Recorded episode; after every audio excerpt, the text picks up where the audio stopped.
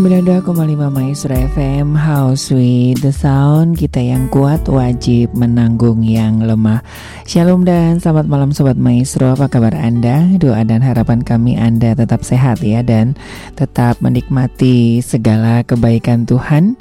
Dan iya senang sekali kembali program Mutiara Sabda boleh kembali hadir menemani Anda ya. Saya penginjil Ari dan juga rekan Junius dan tentunya bersama Bapak Penita Yahya Purwanto akan bersama-sama dengan Anda ya. Dan silakan bagi Anda yang mungkin ada uh, pertanyaan ya seputar firman Tuhan ataupun juga iman Kristiani, langsung bisa SMS ya di 081321000925. Apa kabar Pak Pendeta Yahya Purwanto? Ya, kabar baik Mas Ari, juga Saudara Junius. Iya. Semua sobat maestro luar biasa ya. Oke. Okay. lagi itu. Bener. kayaknya nungguin enggak. nungguin satu minggu itu kayaknya lama. Iya. gitu. Tapi semua anugerah lah. Iya. Oke. Okay. Iya, ini juga apa namanya doa-doa kita ya sobat maestro ya. Hari ini Bapak Jokowi sudah memberikan satu uh, apa namanya ya informasi bahwa informasi. diberikan kelonggaran untuk yang di luar luar ruangan, ya. luar ruangan dan tidak terlalu banyak orang, orang boleh tidak, boleh pakai, tidak masker. pakai masker ya termasuk juga uh, ini yang di luar ruangan ya kalau yang di dalam gedung gak gereja boleh, ya, wajib ya yang dan di dalam terbatas yang dalam betul ruangan. betul yang dalam ruangan masih terbatas dan masih harus mengikuti protokol kesehatan jadi jangan salah informasi ya sobat maestro ya jadi oh, kita sudah bebas nggak pakai masker itu hanya khusus Tapi yang nek, di luar nek, ruangan ya. ya. Kalau saya sih lebih te lebih tetap pakai protokol kesehatan. Betul, betul, lebih aman juga. ya daripada nanti repot. Iya, nah. betul, betul. In, iya. Ini dengarnya juga habis lebaran ini sudah mulai agak naik lagi nih. Iya. Oke. Okay. jangan main-main lah. Betul, betul. Ini. Betul. Oke, okay. Hmm. kita sudah ada tiga PR nih Pak Yahya ya. ya, ya. Oke, okay. selamat malam buat Ibu Maisun ya. Uh, ini Pak Yahya mohon uh, pencerahan ini tentang istri Lot nih. Apakah istri Lot ini hanya gara-gara menoleh ke belakang dihukum Tuhan atau ada sebab-sebab lain, Pak? Ya ada. Sebetulnya uh, menoleh ke belakang itu hanya apa namanya sebagai simbol gitu ya, atau ya, sebagai pemicu terakhir hmm, lah, okay. sebagai triggernya. Hmm. Tapi ada satu hal yang menurut pemandangan Tuhan. Yeah. Kalau kita baca Kejadian 19 ayat 17, itu istri Lot itu tidak menganggap, menganggap serius peringatan kedua malaikat dari awal. Oh, betul, betul, betul. Jadi bukan bukan karena gara-gara itu mm -hmm, ke belakang mm -hmm, bukan. Mm -hmm. Di situ awalnya sebetulnya. Oke. Okay. Ya. Jadi nggak menganggap sepele padahal sebetulnya kalau kita melihat apa yang ada di dalam pemahaman Alkitab yaitu bahwa yang namanya malaikat Tuhan itu kalau datang itu merupakan personifikasi daripada Tuhan. Tuhan sebetulnya. sendiri, betul, betul, betul. Jadi ya seperti seolah-olah Tuhan lah, mm-hmm, gitu. Mm-hmm. Karena memang kekudusannya ada dan segala macam itu kan, mm-hmm. kira-kira gitu. Jadi ingat selalu selalu Abraham juga kan ketika dipanggil juga malaikat kan gitu kan. Betul, ada. betul. Ya. Nah, jadi kita melihat bahwa ini yang nggak serius ini hmm. menghadapi me, melihat perintah Tuhan yeah. dari dari kedua malaikat itu dan itu sudah diingatkan oleh malaikat itu. Hmm. Ya, kenapa? Hmm. Karena hatinya masih terikat pada kesenangan-kesenangan duniawi yang di Sodom. Iya. Yeah. Gitu loh. Hmm. Ya. Jadi uh, kalau makanya Yesus juga mengingatkan orang percaya agar ingat akan istri Lot ya. Lukas 17 ayat 32 kan ada Mas Oke, okay, oke. Okay. Coba kita tengok ya, ya Pak ya Lukas biar Lukas 17 ayat 32. Coba. Kita tengok. Oke, okay, Lukas 17 Nah, ini pentingnya ya sobat maestro ya ketika kita membaca Alkitab itu jangan cuman satu penggal satu penggal ya. Jadi kita harus lihat satu perikupnya begitu ya supaya uh, wah ini hanya gara-gara istrinya nengok ke belakang lalu, lalu jadi tiang garam bukan seperti itu ya. Lukas 17 ya Pak ya. Oke, okay, Lukas 17 ayat yang ke 32. 32 demikian firman Tuhan. ingatlah akan istri Lot. Nah, ini konteksnya kedatangan tentang kerajaan iya, Allah ini, Pak. Barang siapa berusaha menerima memelihara nyawanya, hmm. ya kehilangan nyawanya. Iya, iya, iya. Ya betul, ya, kan betul. Jadi tiang garam kan kehilangan iya, nyawa. Iya, iya, Karena apa? Karena dia memelihara nyawanya. Nyawanya masih ada di Sodom. Hmm. Dengan kesenangan-kesenangan dengan kesenangan-kesenangan Sodom yang memang penuh dengan glamor dosa itu. Iya, iya. Gitu loh. Jadi orang-orang yang hatinya terikat kepada sistem dunia, ya ini yang paling penting ini saya mau tekankan. Sistem itu artinya sistem keduniawian mm -hmm. bukan bukan sistem dunianya, bukan mm -hmm. sistem dunia yang tercemar. Iya. Yeah. Ya, sistem dunianya sih baik, tapi ketika sudah mulai tercemar, ya dan kalau kita hati kita terikat ke, ke situ, maka tidak akan lolos dari murka Tuhan dan mm -hmm. pasti kebinasan akan dialami oleh orang yang seperti itu. Yeah. Dan itu kita bisa baca dari kitab Yeskiel ada peringatannya. Mm -hmm. Di kitab di surat Ibrani juga ada ya. Karena apa? Karena bagaimanapun juga orang kita memang tinggal di dunia, tapi kita nggak boleh menjadi duniawi loh. Iya, yeah, betul, betul. Karena karena kalau kita sudah bicara duniawi kita jadi tercemar gitu. Mm-hmm, mm-hmm. Dengan sistem dunia yang tercemar ini. Coba lihat apa nggak tercemar karena sejak peristiwa Adam dan Hawa jatuh dalam dosa, lalu kemudian kita melihat ada kain Habil semua segala macam itu, maka Allah itu sebetulnya melihat bahwa kejahatan manusia makin menjadi-jadi. Betul, betul. Di dunia ini. Padahal Tuhan menciptakan dunia ini untuk manusia kan sebetulnya. Mm-hmm, mm-hmm. Tapi karena akibat dosa itu maka menjadi jadi. Dan istirolot adalah salah satu yang ada dalam sistem, sistem dunia yang tercemar itu. Iya. Mm-hmm. Sehingga dengan sehingga dengan mudahnya dia terikat apa yang kelihatan hmm. karena dia melihat eh, keglamoran kota Sodom kan hmm, hmm, dengan segala kesenangan kesenangannya hmm.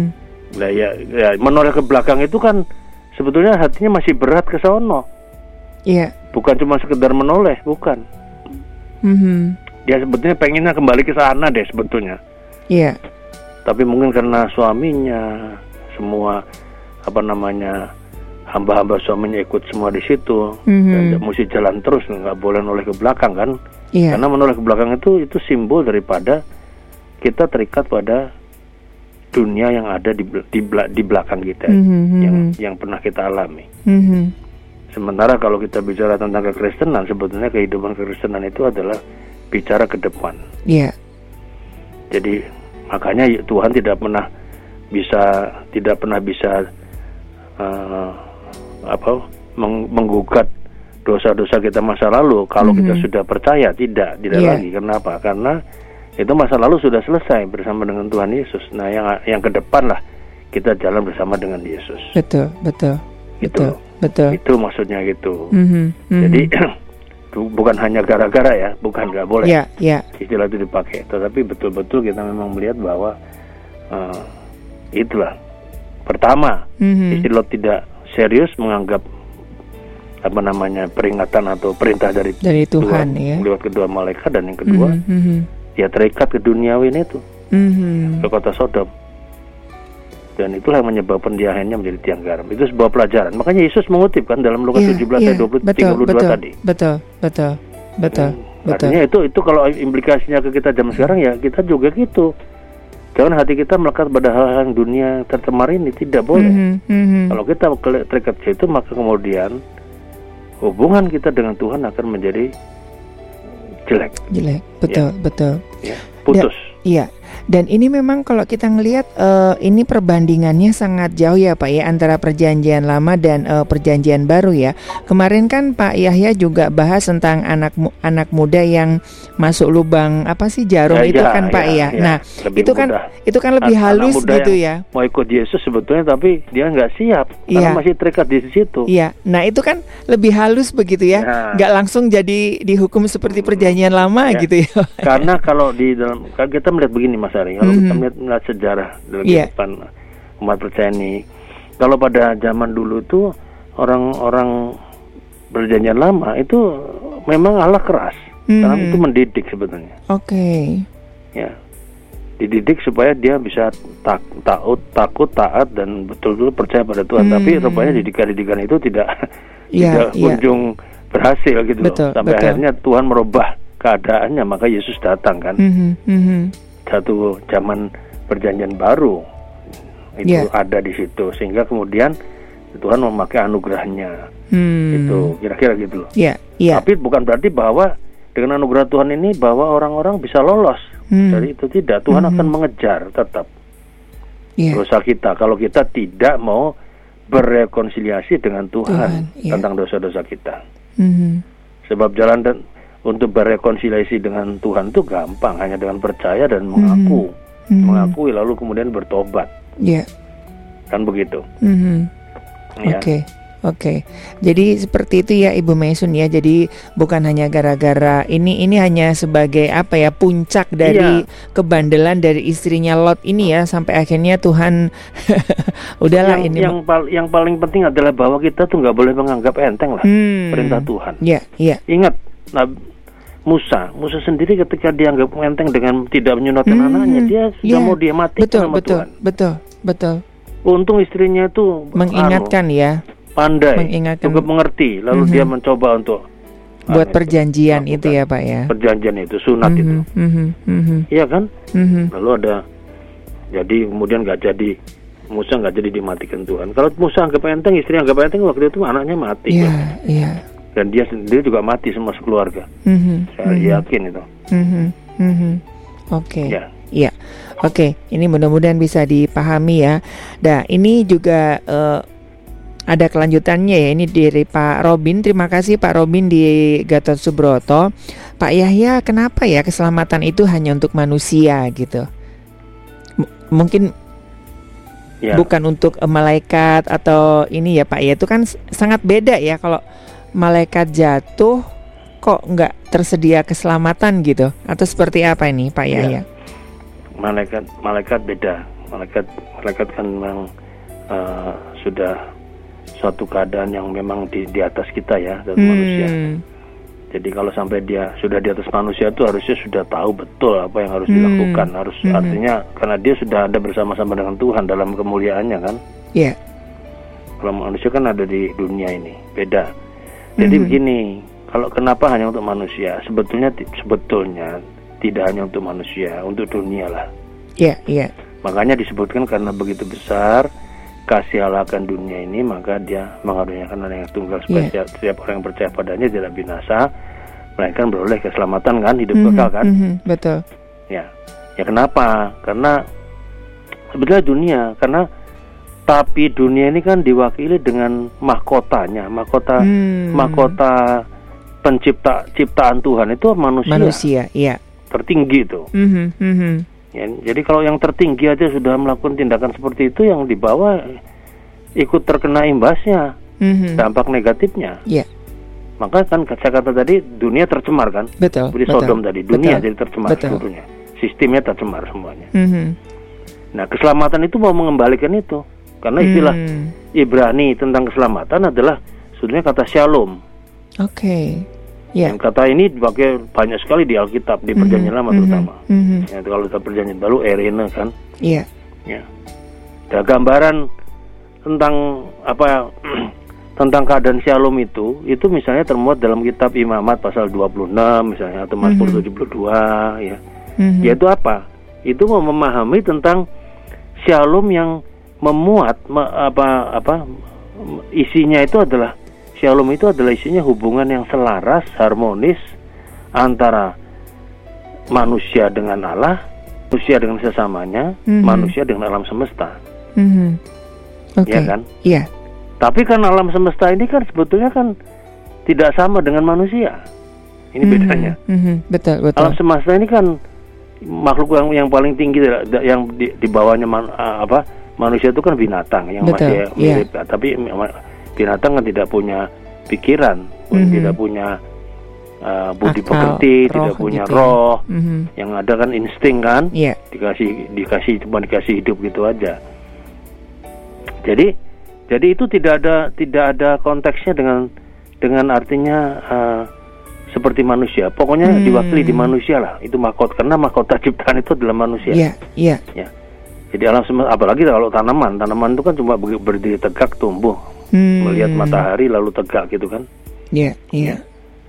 Nah, jadi jadi kira-kira begitu shalom itu. Hubungan selaras, harmonis antara kita dengan Tuhan, dengan sesama dan dengan alam semesta. Hmm. Nah, Yesus datang memberi membawa keselamatan. Shalom ini. Okay. Makanya kemuliaan bagi Allah di tempat yang maha tinggi, tinggi. Hmm. damai sejahtera damai sejahtera di bumi bagi orang yang berkenan ke padanya, padanya yeah. bagi manusia. Nah, hmm. jadi di situlah hmm. karena manusia dianggap makhluk ciptaan yang tertinggi, kan, tertinggi. kan mahkotanya. Iya. Yeah. Ya. Jadi sebetulnya umat umat perjanjian lama itu ya sebelum mereka menjadi menjadi uh, punya punya sistem kerajaan ya dan lain sebagainya hakim-hakim segala macam itu itu mereka menggambarkan situasi shalom itu sangat sederhana. Hmm. Misalnya Abraham, Abraham itu janjinya Tuhan pada Abraham apa? Engkau akan diberi shalom kan? Iya. Bentuknya yeah. apa? Yeah. Bentuknya cuma tanah. Ya. Betul. Keturunan. Udah. Iya kan? Betul. Dan Abraham dengan imannya luar biasa.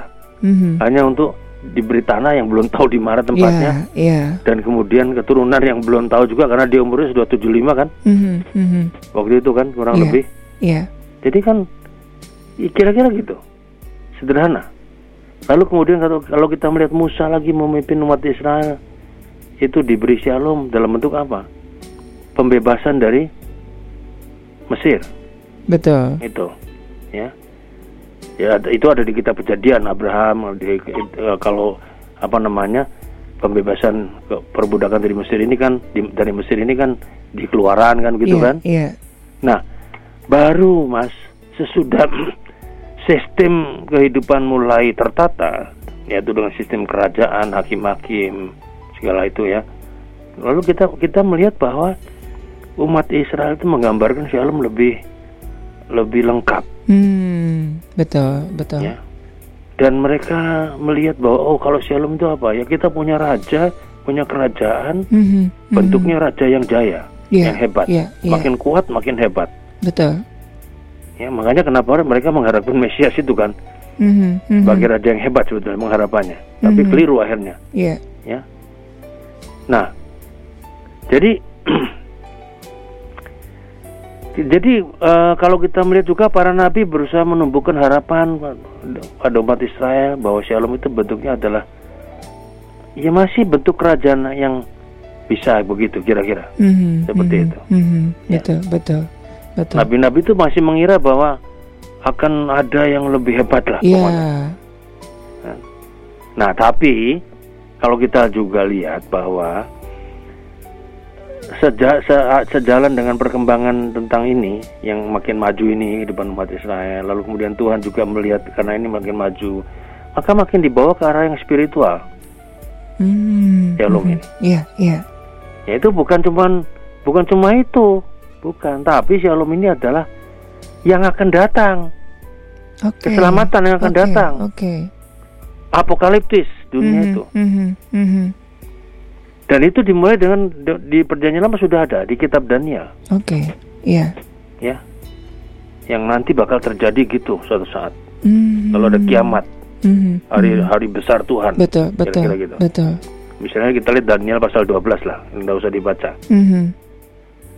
Nah, Lalu kita melihat lagi perkembangannya pada zaman perjanjian baru diteruskan ini yang pemahaman seperti Daniel ini karena sudah mengarah ke spiritual bukan cuma lagi yang urusan ke dunia makanya Yesus datang yeah. itu kan mengendarai keledai hmm, sosok yeah. yang seperti ya gimana ya betul-betul rendah hati sederhana gitu ya hmm. tidak tidak berusaha melawan kalau ada apa-apa hmm, lebih hmm, suka menyingkir hmm diadilin yeah. pun oleh Paul Pilatus juga tidak tidak berontak gitu loh padahal yeah. sebetulnya kalau dia bisa dia mau tidak mm -hmm. itu mau menunjukkan mm -hmm. gitu mm -hmm. menunjukkan apa bahwa per, dalam perjanjian lama Shalom yang sudah mulai bergeser ke arah yang spiritual tadi itu maka di dalam perjanjian baru itu menyangkut lebih jelas lagi yaitu apa bahwa nanti orang-orang yang mau masuk dalam kemuliaan Tuhan itu adalah orang yang karena imannya kepada, kepada Yesus, ya, Yesus, Tuhan Yesus yeah. yang sudah mati dan bangkit kembali, yeah. bukan kepada ketaatan mm-hmm. terhadap hukum. Mm-hmm. Mm-hmm. Gitu loh. Iya, iya. Sebab kalau ketaatan pada hukum itu hanya sampai pada level yang sederhana. Yeah. Kerajaan yang jaya. Mm-hmm. Yang hebat. Raja yang nanti akan menyelamatkan kita. Tapi tidak demikian. Ada nilai, ada kandungan spiritual mm-hmm. yang lebih penting mm-hmm. daripada yang duniawi tadi. Yeah. Ya.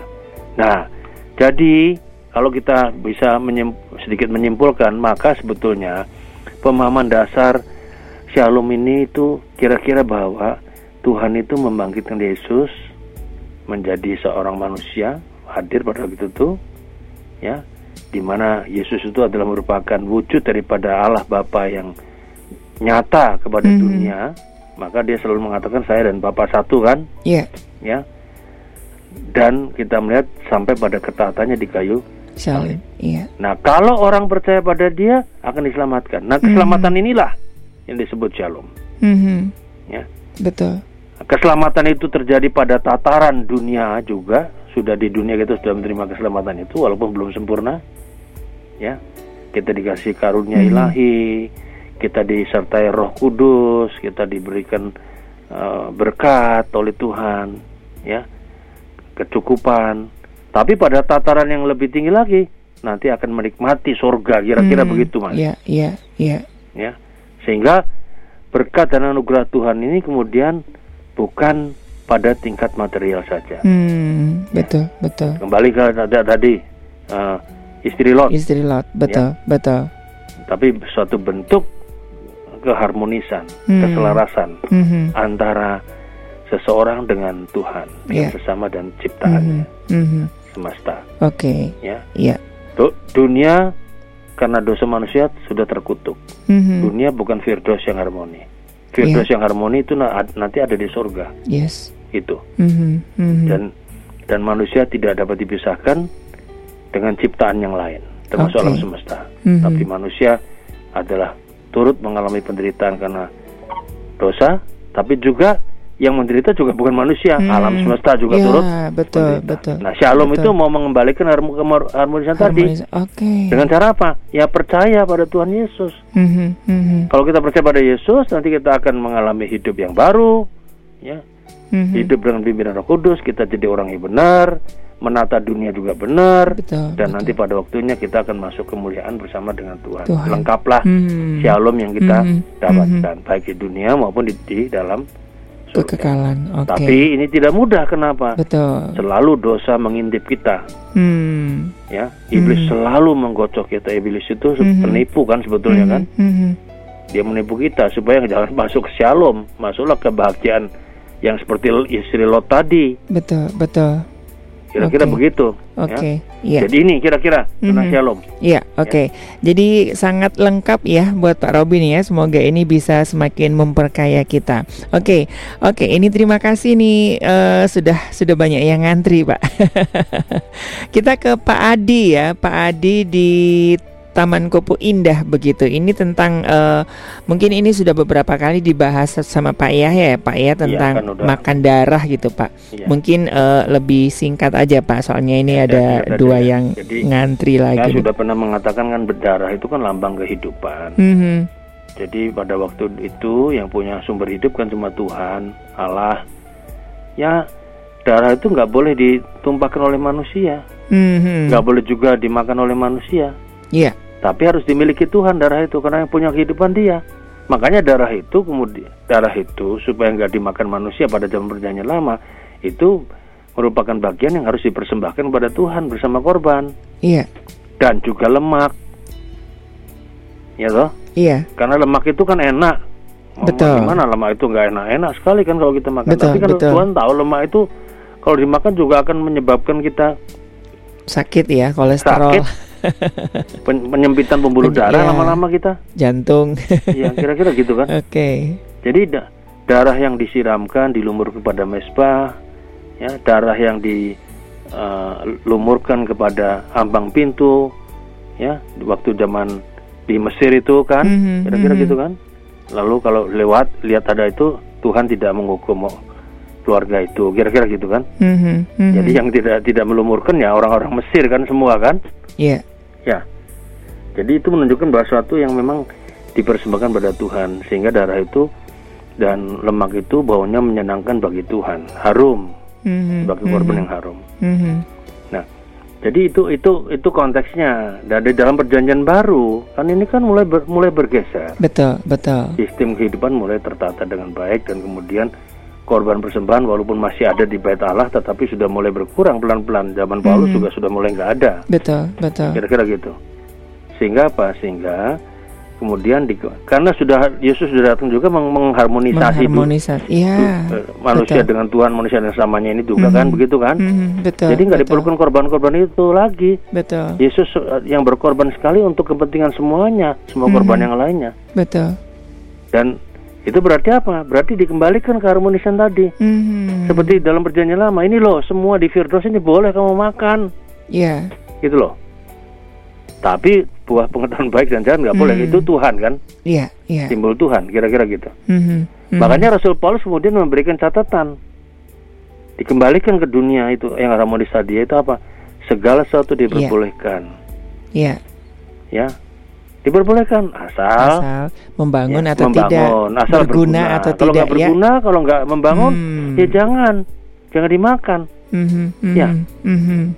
Di situ jadi kuncinya di Yesus yang menggenapi. Yeah. Menggenapi Taurat kemudian bergeserlah sistem korban ini menjadi korban satu-satunya yang sempurna yaitu dalam diri Tuhan Yesus. Yesus. Maka Yesus menggenapi. Hmm, Aku hmm. datang bukan untuk merombak Taurat tapi untuk menggenapi, bukan hmm. melenyapkan Taurat, bukan menghilangkan tapi menggenapi. Menggenapi artinya menyempurnakan. Yeah. Dalam korban Yesus satu kali untuk semuanya selama-lamanya. Mm-hmm. Jadi tidak perlu lagi ada korban-korban seperti di perjanjian lama yang begitu banyak. Mm-hmm. Nah itu sebabnya sebabnya Rasul Paulus kemudian memberikan catatan bahwa kalau kita makan apa saja makan. Iya, yeah, iya. Yeah. Tapi harus dalam doa, disyukuri dalam mm. doa karena itu dikuduskan oleh firman, firman. dan doa dikatakan yeah. kan begitu yeah. kan? Iya. Yeah. Kenapa? Kembali ke Tuhan yang menguduskan semuanya mm-hmm. itu. Mm-hmm. Jadi jadi memang ada denominasi denominasi yeah. yang iya. memang masih tidak mau makan darah, darah, darah. Yeah. yang nggak apa-apa kita nggak mm -hmm. kita nggak boleh menghakimi mereka salah atau benar yeah. tidak boleh tapi saya mau mengatakan bahwa korban yang diberikan Yesus kepada dunia ini sudah sempurna sendiri, ya sudah sempurna amin yeah. sudah paling top nggak ada yang lawan lagi lah mm -hmm. nah kalau ada yang lawan lagi ya Yesus bukan segala-galanya betul betul iya kan mm -hmm. sehingga mm -hmm. apa sehingga darah diperbolehkan. Iya. Ya. Lemak diperbolehkan, tapi hati-hati jangan mm -hmm. terlalu banyak. Ini kan jeroan-jeroan semua nih. Betul. Darah kan jeroan. Betul, betul. Lemak juga jeroan semua. Jangan banyak-banyak lah. Mm -hmm. Mm -hmm. Karena secara medis juga kurang bagus. Iya, betul, nah, betul. Yang paling penting buat kita ya, sekarang. Iya, nah itu ya, ya itu catatan catatannya ya. ya. Uh, semuanya boleh, tapi apakah itu berguna, berguna buat kita atau enggak? Kalau Bangun, ya. ya. Jadi kalau orang sudah dikasih tahu bahwa nggak sudah ini ada komorbid gitu ya, ada komorbid gitu. Jantung state-nya state berapa? Sudah berapa saya nggak tahu apakah ada nggak state satu dua tiga uh, ya, kanker gitu. Iya, udah pasang Kalau sudah ada gitu, state-nya ya. yang tinggi ya, sudah berhentilah. Mm -hmm. Ganti pada sayuran. Sudah. Oke. Okay. Ya. Mm -hmm. kira-kira begitu. Iya, ya. Iya. Saya saya pikir itu yang paling tepat. Jadi yeah. segala sesuatu diperbolehkan, asal berguna dan mm-hmm. membangun. Okay. Yang tidak berguna okay. bangun nggak usah. Iya. Iya, oke. Okay. Ya. Jadi supaya tidak jadi uh, perdebatannya, kalau misalkan anda nggak suka ya, ya sudah, tidak, jangan tidak boleh kita jangan menghakimi jangan menghakimi yang, makan, yang makan saksang pakai darah. Manusia punya kebebasannya memilih ya. Uh, uh, oke okay, ya. Jadi itu ya. Oke, okay, Pak Adi uh, bisa dipahami ya, Pak ya. Oke, kita ke Ibu Tia ya. Ini benar ya, Ibu Tia ya di Sukamantri. Ini uh, beberapa Selasa tidak mengikuti nih Pak. Aduh kasihan ya. Nah, ini cuma uh, ada dua pertanyaan ya. Kemarin kan sudah disampaikan Pak Yahya ya, salah satu uh, penjahat itu akan bersama-sama dengan Tuhan di Firdaus begitu. Apakah Firdaus itu adalah surga begitu? Ya, jadi jadi uh, bukan adalah surga. Firdaus itu ada di, di dunia sebetulnya kan ya. Hmm. Tapi kalau yang mengatakan di Firdaus itu gambarannya gambaran nanti surga itu kira kurang lebih hampir sama seperti di Firdaus. Mm-hmm. Taman Firdaus yang di mana masih murni, ber, ber, clean, bersih, yeah. nggak ada dosa, yang ada cuma kemuliaan Tuhan bersama manusia yang mulia sebagai mahkota ciptaan. Jadi di situ kita melihat bahwa itu uh, artinya apa? Artinya bahwa uh, keadaannya yang sama. Mm-hmm. Ya. Makanya di sana di kalau di Firdaus pada waktu Adam dan Hawa kan tidak ada susah. Betul, betul. Tidak ada nangis, tidak ada apa. Nangisnya baru setelah berdosa kan diusir dalam mm -hmm. dari Taman Eden kan dikeluarkan. Tapi pada waktu di dalam apa namanya uh, Firdaus mereka bagus semuanya, hmm. harmonis antara manusia dan manusia, manusia dengan binatang, binatang. manusia dengan hmm. makhluk makhluk lainnya seperti mm-hmm. tanaman ya dan segala yeah, macam. Yeah. Jadi kita melihat jadi alangkah indahnya sebetulnya itu itu memang tempat uh, Firdaus yang ada di Sungai Efrat dan antara Efrat dan Tigris itu mm-hmm, itu yang mm-hmm. memang sampai sekarang kan selalu dijuluki lembah yang paling lembah yang subur, subur ya itu. betul betul iya kan mm-hmm, tidak mm-hmm. pernah ada kesusahan betul betul dan jadi perebutan ya Pak ya waktu ya. Eh, sampai sekarang juga ya. Iya sampai sekarang makanya mm -hmm. itu tanah itu selalu bergolak sampai sekarang. Iya. Ya kan. Mm -hmm. Jadi ya kira-kira ya, saya rasa itu pemahamannya. Jadi mm. ya. Yeah. Okay. Yang sama mungkin keadaannya ya situasinya yeah. yang dan kalau kita baca seperti itu ya Ibu bisa membaca ini ibu ya. ya iya, Ibu Tia di Sukamantri. Ibu Tia, ya, itu bisa membaca kitab Wahyu seperti apa gambaran hmm. surga itu. Iya. Oke. Okay. Ya. Nah, ini ini lanjut kedua ini, Pak. Bagaimana dengan orang yang sudah meninggal? Apakah langsung uh, ada kehidupan kembali atau masih nunggu ada kebangkitan? Apakah bisa saling mengenal nantinya begitu, Pak? Ya, jadi kalau kita melihat catatan di Alkitab itu memang Alkitab tidak memberikan secara jelas semua mm -hmm. tentang masalah ini. Jadi kalau ada yeah. orang memberikan catatan-catatan seperti itu menafsir itu ya sah-sah saja, boleh saja lah. Mm -hmm. Saya tidak mengatakan benar atau salah karena kita tidak boleh mengatakan itu salah tapi yeah. juga boleh mengatakan benar. Yeah.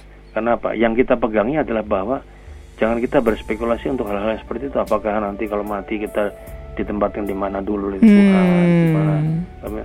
Tapi tidak. Kita kalau kita memegang misalnya penjahat yang ada di sebelah Tuhan Yesus hari ini kau bersamaku di Firdaus hari ini juga bukan di tempat sementara. Ya. Oke, okay, oke. Okay. Tidak ada. Hari ini di Firdaus. Karena mm -hmm, karena mm -hmm. bentuk yang bentuk kita manusia sudah tidak lagi seperti manusia kita sekarang. Oke. Okay. Manusia rohani. Iya, Hmm. Karena roh itu kembali kepada sang sang pencipta. pencipta. Atau roh yeah. itu masuk pada kebinasaan kekal, mati kekal, neraka. Hmm. Kan kira kan begitu. Betul, ya. betul, betul. Soalnya memang ini banyak penafsiran ya Pak ya. ya. Ada ada yang mengatakan bahwa orang orang uh, yang kenal Yesus sama yang tidak itu ditempatkan pada tempat yang berbeda nah, gitu ya kan Pak ya. Tepat. Tempat okay. berbeda cuma dua, neraka atau surga. Oke. Okay.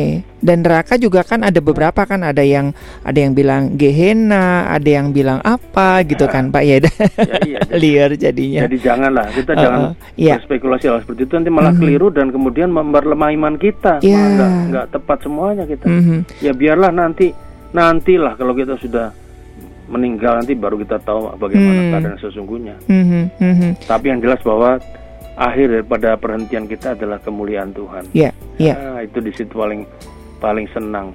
Yeah. Makanya sebagai manusia kita nggak perlu takut dengan hmm. kematian karena kita masuk ke satu kehidupan yang mulia bersama yeah. Tuhan. Itu yang itu aja yang yeah. kita pegang. Iya. Yeah.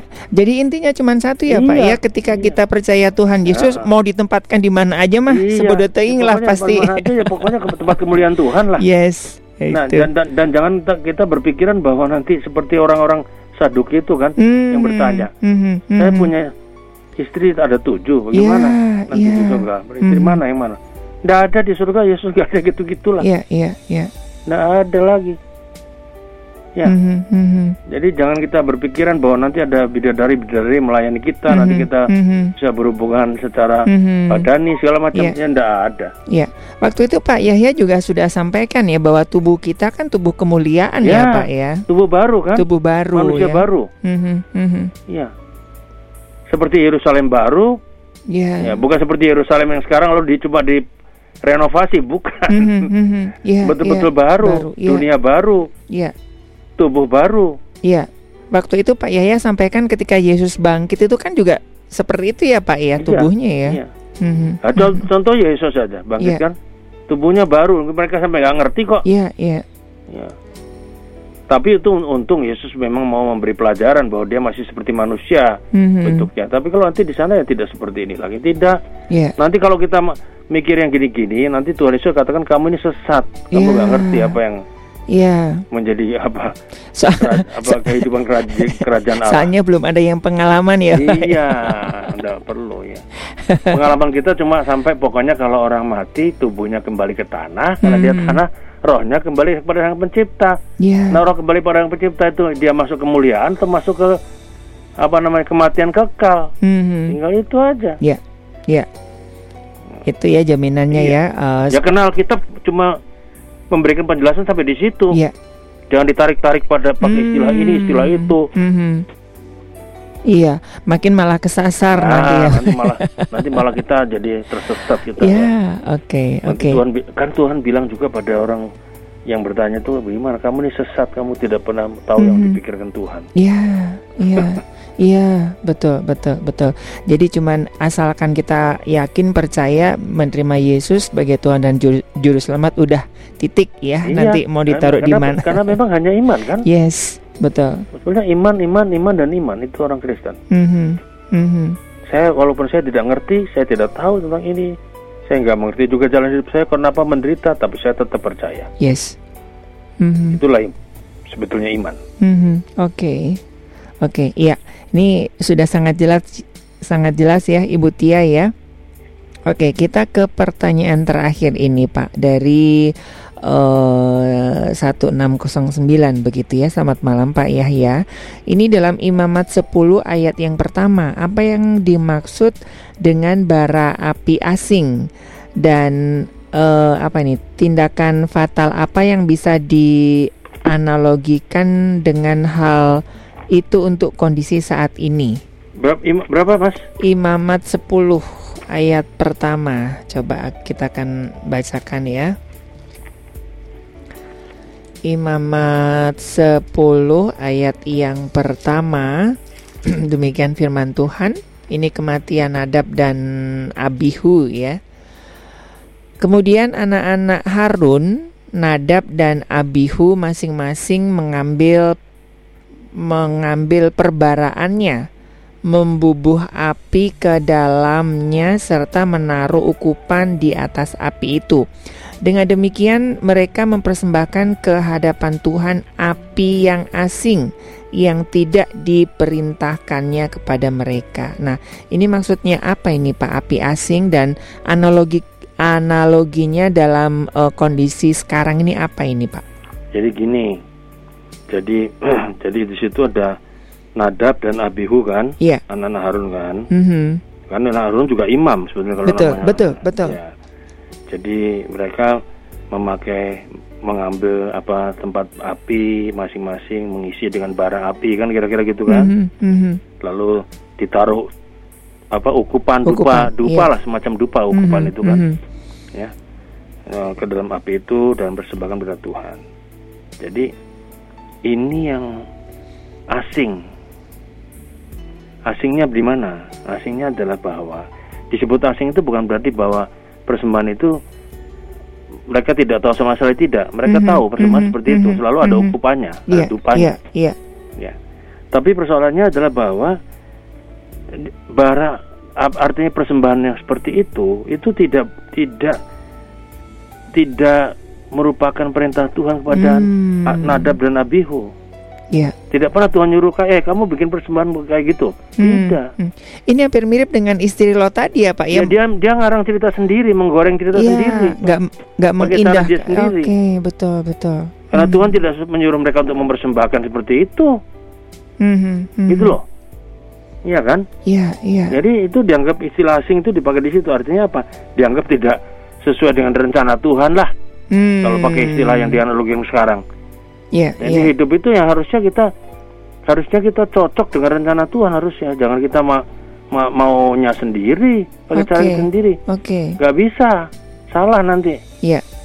Dan itu Jadi kan kita harus menyesuaikan dengan rancangan dan hendak Tuhan dalam hidup kita. Kalau hmm. kita mau masuk rancangan dan hendak Tuhan dalam hidup kita, kita selamat pasti. Iya, iya. hidup ini. Iya. Nah ini nada berantem bihu kan nggak selamat ini. Betul, iya. betul.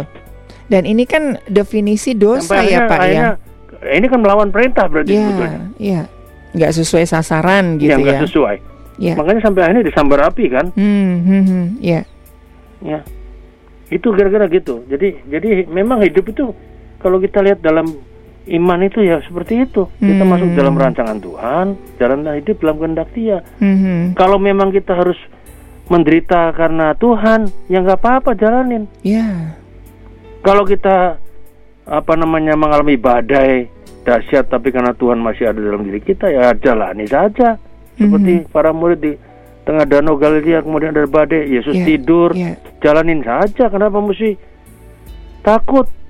Gitu loh. Hmm banyak manusia yang ya saya nggak tahu apa motivasi Nadab dan Abiu di sini nggak dijelaskan tapi mm -hmm. saya mhm. rasa dia mau melihat sesuatu oh mau gagah-gagahan bahwa dia wah dia sudah jadi imam yeah, dia bisa melakukan yeah. ini padahal tidak pernah diperintah Tuhan mm -hmm.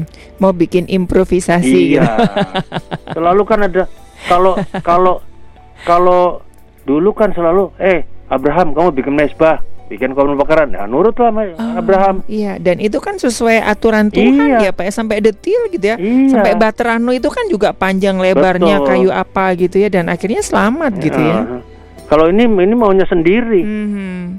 ya ya Tuhan tidak berkenan Tuhan tidak mau seperti itu. Ya sama seperti Musa. Ya, Musa ya. ketika membawa bangsa bangsa Israel. perjanjian itu masuk ke tanah kanan karena di tengah jalan kan mereka ribut. Mm -hmm. uh, karena tidak punya air minum. Lebih baik anak pulang lagi ke Mesir. Ada sungai Nil di sana banyak air. Lalu kemudian Musa diperintahkan Tuhan eh kamu mengacungkan itu ke sana. Hmm. Tapi Musa tidak begitu dia memukul, ya, memukul. kan perintah Tuhan tidak suruh saking memukul keselnya memukul itu kan sudah dengan ada kemarahan kan ya. Tuhan maunya nggak begitu eh tunjukin hmm. aja di depan bangsa Israel supaya mereka tahu bahwa yang membuat mereka bisa hidup itu bukan air yeah. tapi Tuhan. Tuhan. Makanya yeah. dengan cara menunjuk aja air keluar. Mm-hmm. Begitu loh. Mm-hmm. Mm-hmm. Ya. Yeah. Jadi jangan itu kita hidup juga sama di zaman sekarang. Jangan coba-coba hidup di luar jalannya Tuhan. Yes. Ya. Kalau kita hidup di luar jalannya Tuhan, kita akan binasa. Mm-hmm. Akan menyulitkan kita hidup mm-hmm. demi hidup. Oke. Okay. Tapi kalau kita hidup di jalannya Tuhan, firman Tuhan kita ikuti, kita akan mengalami keselamatan. Kita mm -hmm. akan mengalami perjalanan yang berhasil. Oke. Okay. Yosua di dalam Yosua pasal 1 digambarkan, kalau engkau menuruti kata-kataku, kata Tuhan, jalanilah itu semuanya. Mm -hmm. Nanti perjalanan dan kau yeah. akan iya. beruntung dikatakan. Oke. Okay. Yosua pasal 1 itu. Mm -hmm. Tapi okay. kalau kau mau jalan pakai caramu sendiri, ya sudah, ndak bisa. Makanya mm -hmm. banyak yang tidak ikuti jalannya Tuhan, banyak yang mati kan. Betul, betul. Dan masuk tanah Kanaan, termasuk betul. Musa sendiri nggak masuk. Iya, betul, betul. Oke. Okay. Ya. Iya, sebetulnya kepengen banyak belajar nih Pak, tapi waktu kita sudah ya. tinggal satu ya, menit lagi. Dibatasi waktu ya. Tapi nggak okay. apa-apa, paling okay. tidak kita sudah mulai ya, belajar. Gitu, banyak banget, kaya banget begitu. Ya. Uh, Oke, okay. nah kira-kira apa sedikit Pak yang bisa kita tarik ya, uh, yang, yang garis bisa, merah dari tarik, ini kayaknya nyambung semua ya, ya Pak ya, nyambung, ya dari lot uh, dari lot ya, tadi kan ya. lot itu kan lot itu kan pikirannya cuma pikiran dunia hmm, terikat pada hmm, masa lalu nggak ngikutin kata-kata Tuhan anggap sepele kata-kata ya, Tuhan ya ya. cilaka hmm. ya ini semua sama lah rata-rata ke sana jadi kita tuh menjalani hidup ini harus menjalaninya bersama dengan Tuhan dalam yeah. iman kalau kita jalan bersama dengan Tuhan, kita percaya bahwa apa pun yang terjadi, di situ tetap Tuhan akan menyertai kita. Mm -hmm. Dan kalau kita, Tuhan menyertai kita, andai kata kita masuk dalam lembah bayang-bayang maut sekalipun, kita nggak takut. Yeah. Karena Tuhan beserta kita. Itu dalam Mazmur 23 kan? Betul, betul. Sekalipun aku berjalan dalam dalam terjemahan lama, iya. lembah bayang-bayang kematian, yeah. tapi aku tidak takut. Yes. Sebab engkau besertaku. Iya. Yeah. Keadamu okay. dan tongkatmu itulah yang membimbing aku. Mm -hmm. Oke. Okay. Nah, itulah Tuhan kita. Mm -hmm. Oke. Okay. Ya, iya. Jadi. Oke. Okay. Iya. Ya, jadi jalan jalanilah hidup bersama dengan Tuhan dalam iman. Percaya iman. saja. Yes. Ya. Mm -hmm. Asal kita sudah jalan hidup yang benar, ya firman Tuhan kita ikuti, jalanin. Hmm. Nanti pasti akan menyenangkan Amin. bersama Tuhan. Amin. Oke, okay. ya. Sekali lagi terima kasih Pak Yahya ya. untuk uh, apa namanya penjelasannya sangat indah begitu ya dan semoga ini semakin memacu kita untuk semakin mencintai firman Tuhan, membaca firman Tuhan. Kalau nggak tahu tanya di Mutiara Sabda ya, ya setiap Selasa ya. Tapi Tuhan juga Tuhan juga mengatakan pada kita ya Memang tidak semua akan kita tahu, ya. tapi nggak apa-apa, nggak tahu apa Betul. Kita nggak tahu nggak apa-apa, yang penting kita percaya. Mm-hmm. Itu aja jalannya. Mm-hmm. Oke, okay. oke, okay. baik sekali lagi terima ya. kasih Pak Yahya Pak Yahya Purwanto, saya selalu. Ya. Ya, baik Sobat Maestro, dari Gra Maestro Jalan Kasapring 12 Bandung, saya penginjil Ari, Pak Pendeta Yahya Purwanto, dan rekan Junius mengundurkan diri. Kita ketemu lagi di Selasa depan. Ketahuilah bahwa sekecil apa pun kebaikan tidak akan pernah sia-sia karena kebaikan akan berbalas kebaikan. Selamat beristirahat dan Tuhan memberkati.